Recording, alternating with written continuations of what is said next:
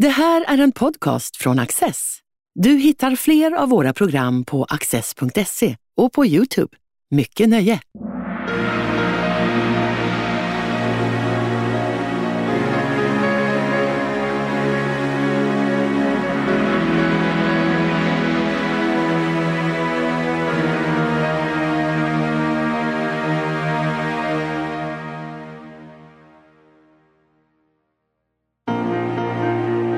Efter Karl XIIs död avskaffades det kungliga enväldet och frihetstiden tog sin början. Kungens syster Ulrika Eleonora blev drottning men redan efter ett år överlämnade hon tronen till sin man Fredrik. Vad innebar detta regimskifte för Sverige? Vad gjorde drottningen under sitt år som regent? Och varför överlämnade hon makten? Om dessa frågor samtalar Åsa Karlsson med historikerna Magnus Linnarsson och Joakim Skärp. Det här programmet ska handla om vad som hände efter den 30 november 1718, efter Karl XIIs död.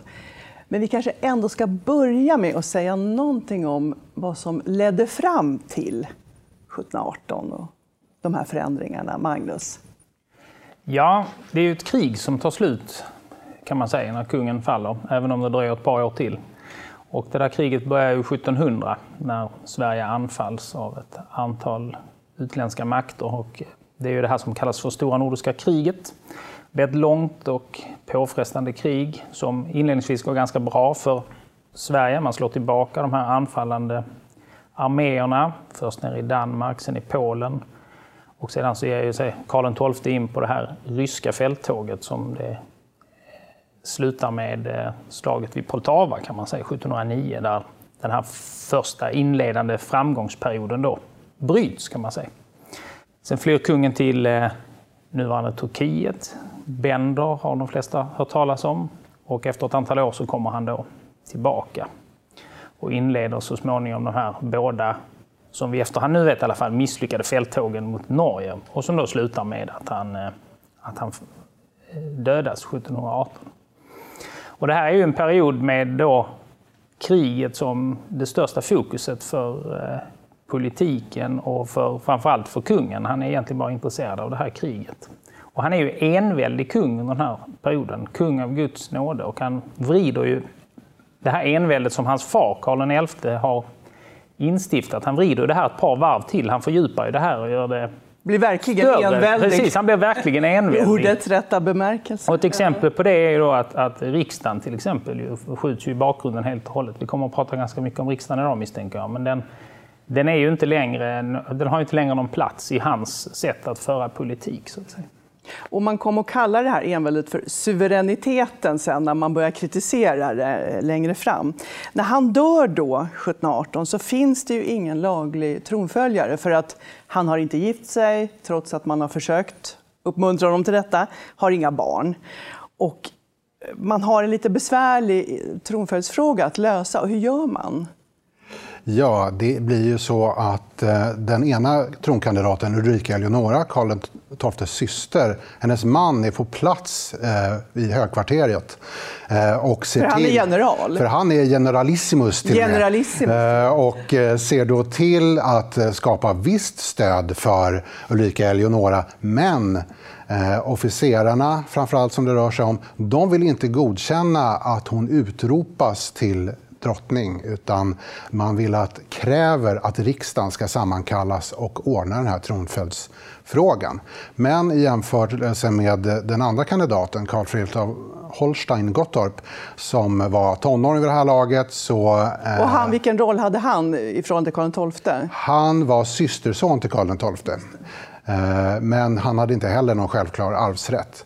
Eh, och det här Dessutom så eh, sker det saker i Stockholm då förstås, när man får reda på att kungen är död. Rådet träffas med Ulrika Eleonora närvarande och då så säger man ja, nu måste vi gå ut till kyrkorna här och säga att kungen är död.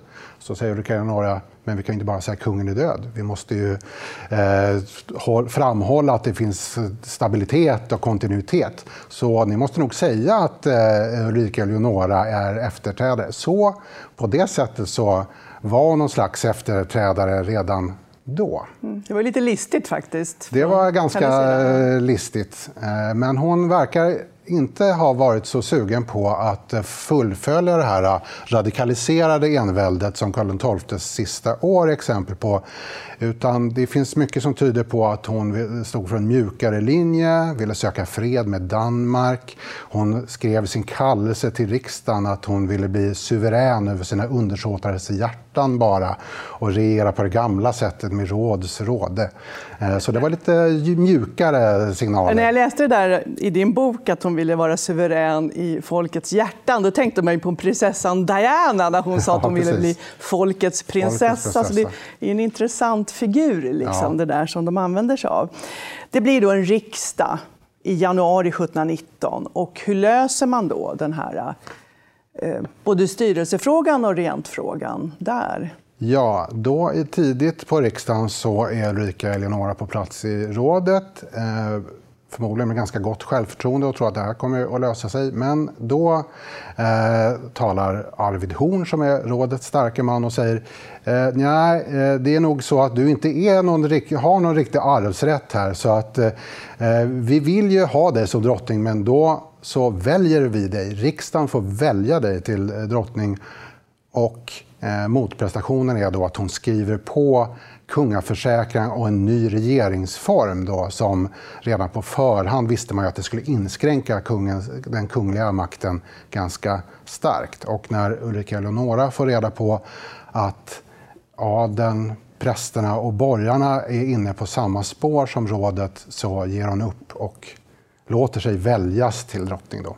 Det här, jag måste säga, första gången jag läste det för många år sedan, att hon valdes till drottning, var jag ganska överraskad. För att man tänker ju att vi har haft ett arvkungadöme sedan Gustav Vasa, men det här är ju ett tillfälle och sen har vi med, med Bernadotte nästa tillfälle där man faktiskt väljer en, en regent. Tror man valde Adolf Fredrik också? Ja, det gör man ju kan man säga. Precis, han adopteras. Ja. Och det pekar ju bakåt såklart. Man förankrar ju det här i, i det gamla riket, det gamla valkungadömet. Vi är långt tillbaka på medeltiden, de här idéerna om att det, de svenska invånarna väljer sin kung. Det är ju så man då Eh, legitimera det. Ja, precis, som Gustav Vasa gjorde ja. upp med, kan vi säga.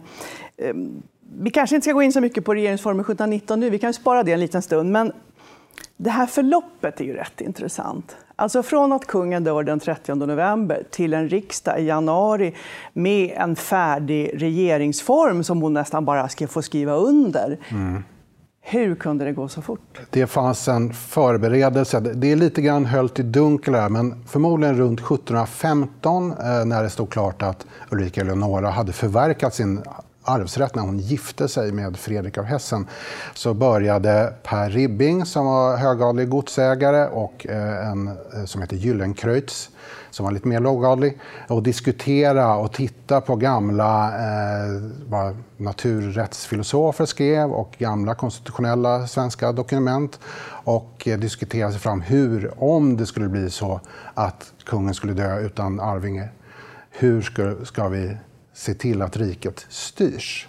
För man eh, eh sa att eh, eh, han verkar föredra ärans säng framför eh, bröllopssängen, då, eh, vilket innebar att han inte skulle få någon laglig tronföljare. Så man hade någonting att dra fram då när, eh, eh det, när det faktiskt hände som man hade förberett sig på. Och då gjorde man, Per Ribbing som då stod för högadliga intressen, eh, gjorde den klipska politiska manövern att han diskuterade det här med ledande företrädare för prästeståndet och borgarståndet och även för lågadliga skikt. Så man förankrade det här ganska djupt då i, i samhällseliten, i alla fall i de högre stånden.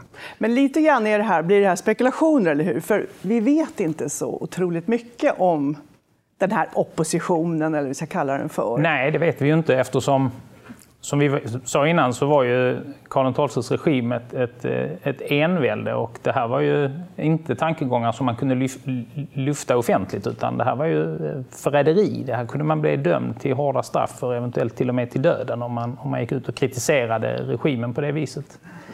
Däremot är det ju, det är väldigt svårt att frigöra sig från eh, att det här inte är någonting som har varit förberett och att det har funnits planer på hur man skulle göra. Mm. Och den, sen ska det väl också, det kan väl vara värt att framhålla då, Joakim sa då att de börjar ungefär 1715 och där har ju att göra med den här andra delen av kriget som jag nämnde precis i början, att nu går det inte längre så bra för Sverige. Kungen befinner sig inte i, i landet, han befinner sig nere eh, i det Osmanska riket. Det finns ett litet fönster öppet här för en opposition. Och kopplat till det då vetskapen om att det finns ingen tronföljare nu och det finns egentligen ingenting som talar för att Karl XII heller skulle skaffa sig eh, en drottning och eh, med det en tronföljare helt enkelt. Samtidigt så har det ju skett en politisk förskjutning, särskilt jämfört med Karl XIs regim. När Karl XIs stöttepelare fanns bland de ofrälse stånden och de lågadliga grupperna.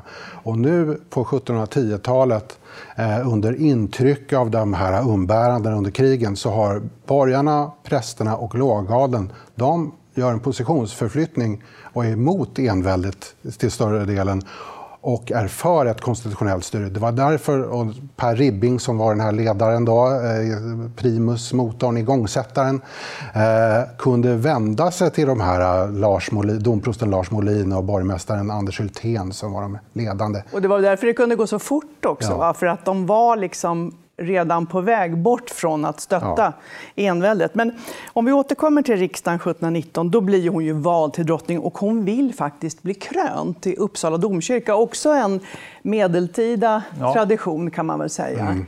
Den sista svenska regent som kröntes där.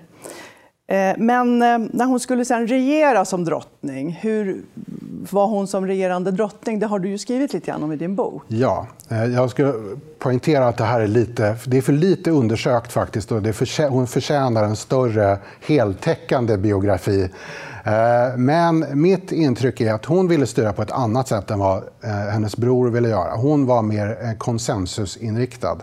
Sen var hon ju uppvuxen under enväldet med en klar bild av kungamaktens höghet och hade ju väldigt svårt att finna sig i den här nya författningen. Jag skulle man skulle kunna jämföra med under franska revolutionen. Ludvig XVI ska leva under den författning som kom till 1791 eller tsar Nikolaj eh, efter 1905 års eh, eh, författning. Hon klarar inte riktigt, hon vill inte hålla sig inom den här ramen som regeringsformen anger. Så hon börjar kan man säga, underminera det här styrelsesättet genom att vara så energisk som hon bara kan och eh, tillsätter till exempel enormt mycket tjänstemän och adlar enormt många. Precis. Det, nu kommer vi in på det som brukar kallas för massadlingarna. Alltså att hon adlar ju... Hon och vad Karl XII redan hade hunnit göra innan han dog blir ju 300 familjer eller någonting som introduceras på Riddarhuset. Vad, vad är förklaringen till det här?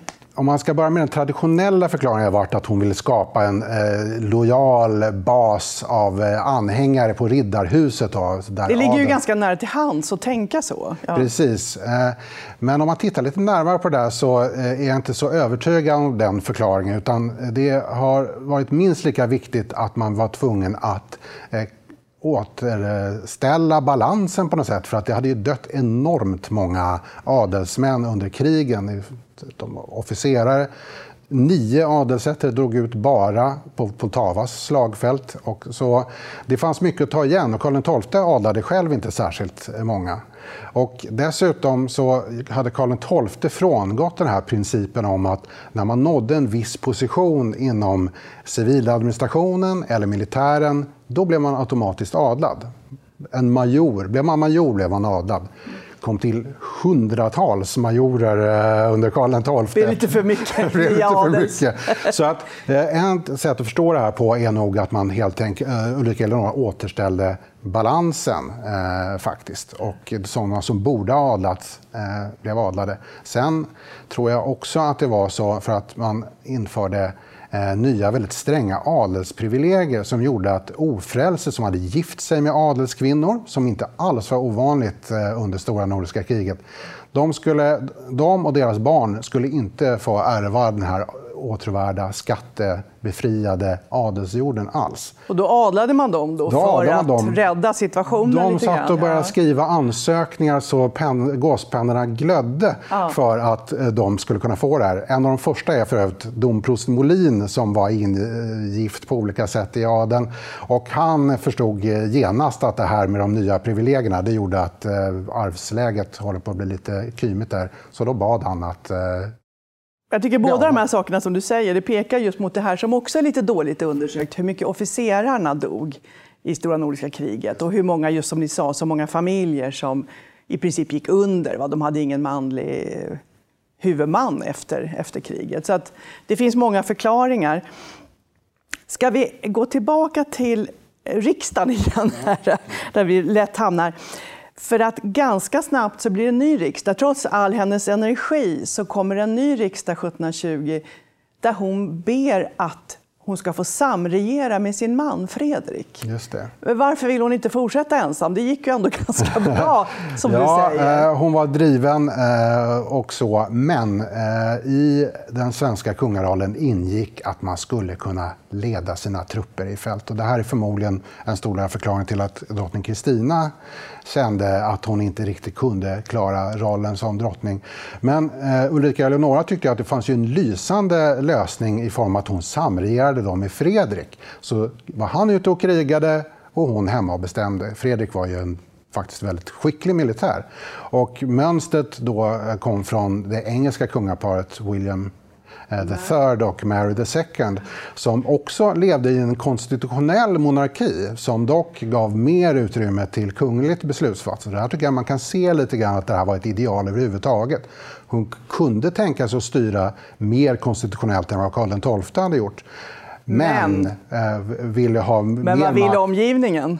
Och de, de, var inte med på De var inte med på det här. Nej. Och eh, tråkigt nog så både de som ville ha en svagare kungamakt, som tyckte att Ulrika Eleonora var en alldeles för besvärlig eh, monark, och de som ville ha en starkare kungamakt tyckte båda att Fredrik var den som borde få sitta ensam på tronen. Och här måste väl det här lite kvinnligt manligt ha spelat roll, som du antydde, att hon kunde inte leda trupperna i fält. En man verkar på något sätt bättre, lite utrikespolitiskt hotfullt läge. Absolut. Ja, och är, man får inte heller glömma liksom att kriget är ju en realitet här. Kriget är inte någonting som nu är slut och som inte kommer tillbaka utan det kan bli krig vilken dag som helst igen. Mm. Och det blev det ju också, för det, det var ju, det. freden hade ju inte, Nej, var krig, inte färdig. Precis, det ska vi faktiskt tillägga att kriget var ju inte slut utan kriget var pågående. Och vem kan då föra kriget i hamn? Vem kan avsluta kriget på ett bra sätt för Sverige? Där fanns det sådana idéer om att Fredrik var ett bättre alternativ. Ja, man hade ju de här äh, förfärliga härningarna längs ostkusten. Det var ju på den sommaren som... 1719, ja. Precis. precis. Rysshärjningarna. Men på riksdagen 1720 så kommer då det här som man faktiskt firar lite grann i år, regeringsformen 1720. Vilka är liksom de viktigaste komponenterna i den här regeringsformen? Ja, det är ju då att eh, ehm, tillsammans med kungaförsäkran ska man tillägga då, att eh, kungen och rådet de ska alltid instämma i det som riksdagen beslutar.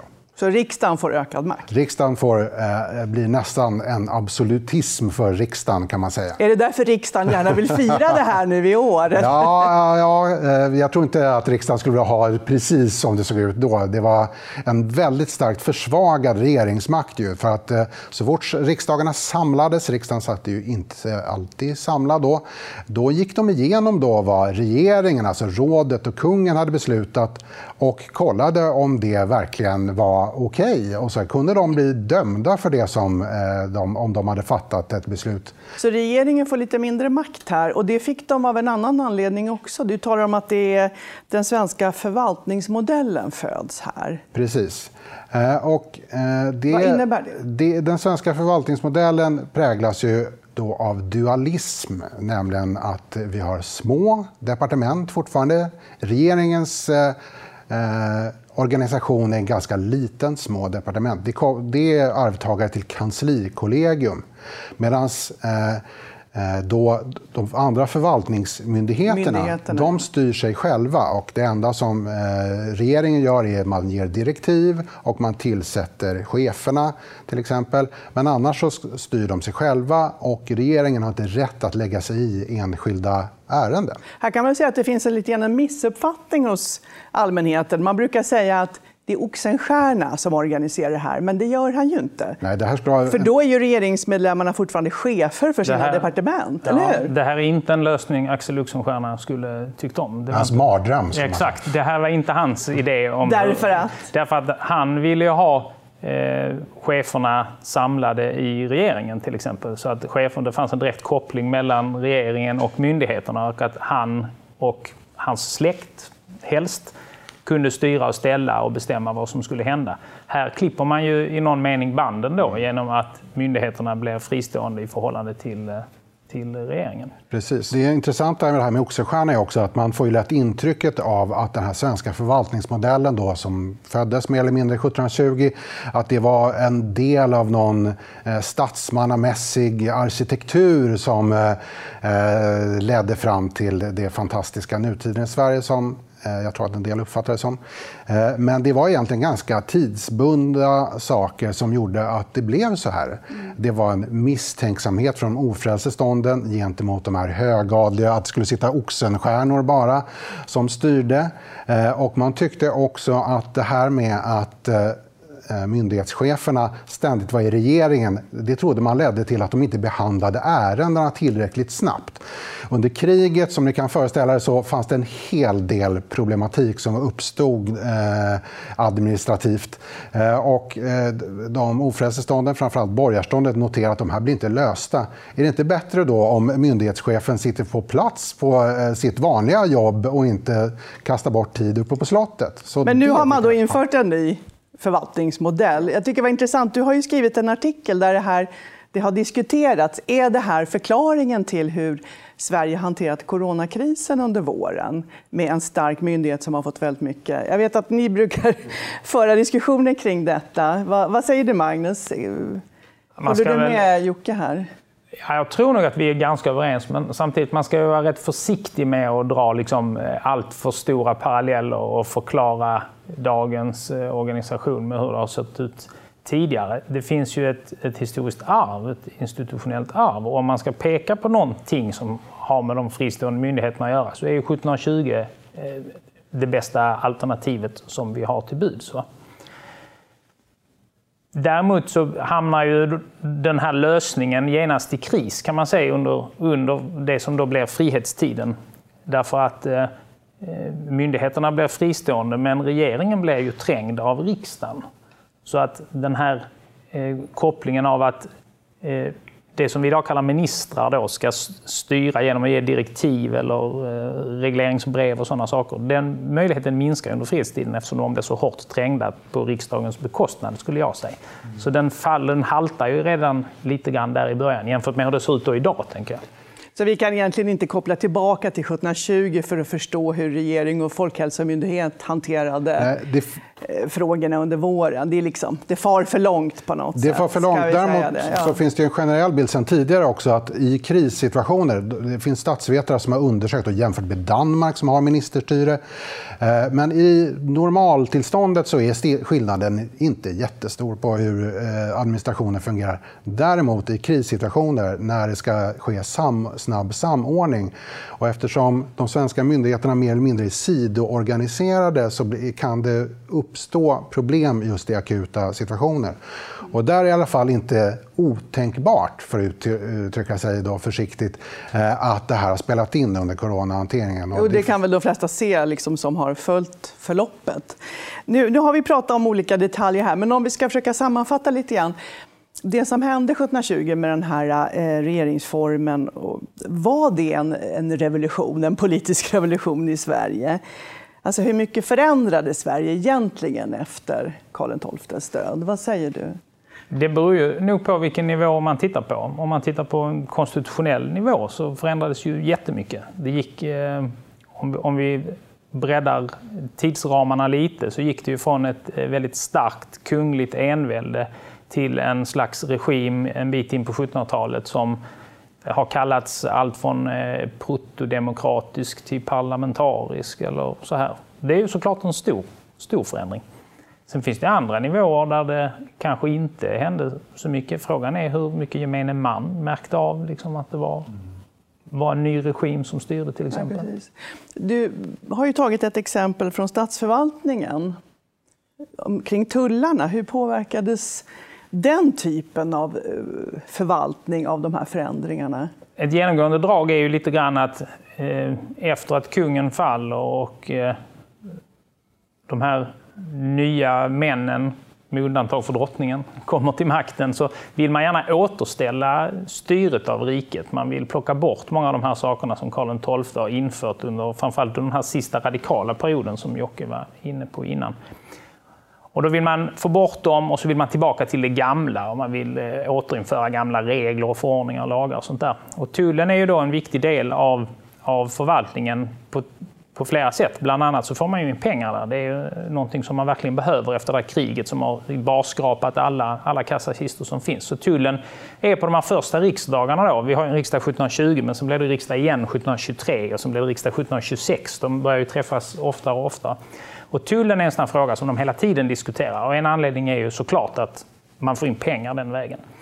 Eh, men där kommer man också in på frågan hur ska vi nu organisera den här? Hur ska vi ordna den här?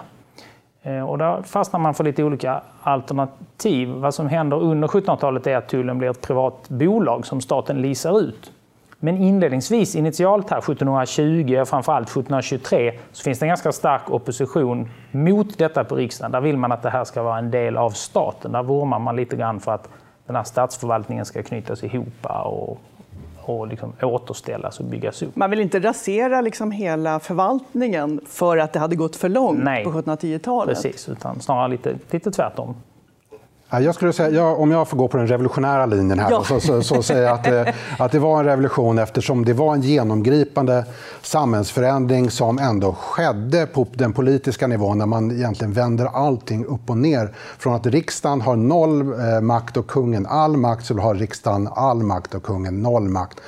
Och även om många av de här eh, revolutionärerna inom citationstecken eh, ville återgå till något gammalt så hur, vad är det för gammalt? Det går inte att vrida tillbaka klockan helt. Det visar sig att man ställs ju inför massor med nya problem som kräver nya lösningar.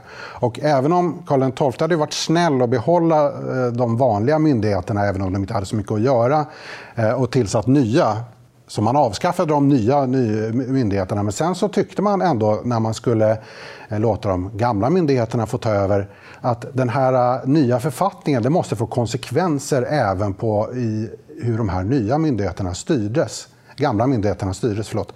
Eh, så man börjar som en konsekvens av den nya författningen börjar man genomarbeta alla instruktioner som fanns till myndigheten. Så man var medveten om att det här var en förändring som krävde ett eh, nytänk. Men de här förändringarna, som, säga, revolutionen stannar i en slags eh, politisk nivå. Eller hur? Det kan vi väl hålla med om. För att jag tänkte lite grann på befolkningen. Man, man tycker att hur mycket påverkades egentligen befolkningen av den här revolutionen? Det var väl en tanke som jag hade. Ja, eh, jag eh, tror att man, kan, man kan säga att kriget eh, ledde till revolutionen, men kriget ledde också till att svenskarnas uppfattning och inställning till krig överhuvudtaget, det här var ett ett stort nationellt trauma som fick eh, återverkningar skulle jag säga, långt fram i tiden. Vi hade visserligen en del krig eh, i hundra år till framåt men eh, den här nationella upplevelsen var eh, så djupgående så att skepsisen mot krig var mycket starkare. Och att ställa upp med skatter och sina Precis. söner som soldater. Precis. Och hela, under hela frihetstiden så är det genomgående att man likställer det här med enväldigt styre i lika med krig. Eh, det är det som är en av de stora ideologiska fundamenten för hela frihetstiden och som verkligen, jag tycker nog man kan säga har långtidsverkningar fram till idag. Kan vi säga att det här här är ett liksom av de levande arven från den här 1720 och de här förändringarna? Det, det skulle man nog kunna säga. Och det, precis i anslutning till det som Joakim sa, det här med, vi var inne på innan att Ulrika Eleonora fick avsvära sig suveräniteten, enväldet, för att kunna bli drottning i de här turerna 1719-1720. Alla regenterna under hela 1700 eller under hela fredstiden avsvär ju sig suveräniteten. Ta bara ett sådant exempel som att när Gustav III gör sin kupp så fortsätter han att avsvära sig suveränitet. Fast han blir suverän? Han blir suverän så småningom. Därför att det är så förknippat med den här perioden, det karolinska enväldet och framförallt då, ja, traumat, det här kriget. Det är, väldigt, det är väldigt negativt och det sitter väldigt, väldigt djupt. Och ett annat arv är då också, skulle jag säga, att vi styrs av en regeringsform. Ända sedan 1719 så är det alltid en regeringsform som är det konstitutionella fundamentet för Sverige. Och det är därför lite grann vi firar det här också. Ja. Mm. Tack så hemskt mycket för att ni kom hit. Tack. Tack.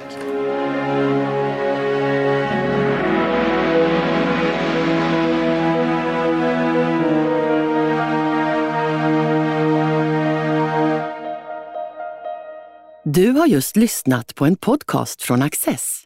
Du vet väl att vi också är en tv-kanal och tidning? Teckna en prenumeration idag på access.se.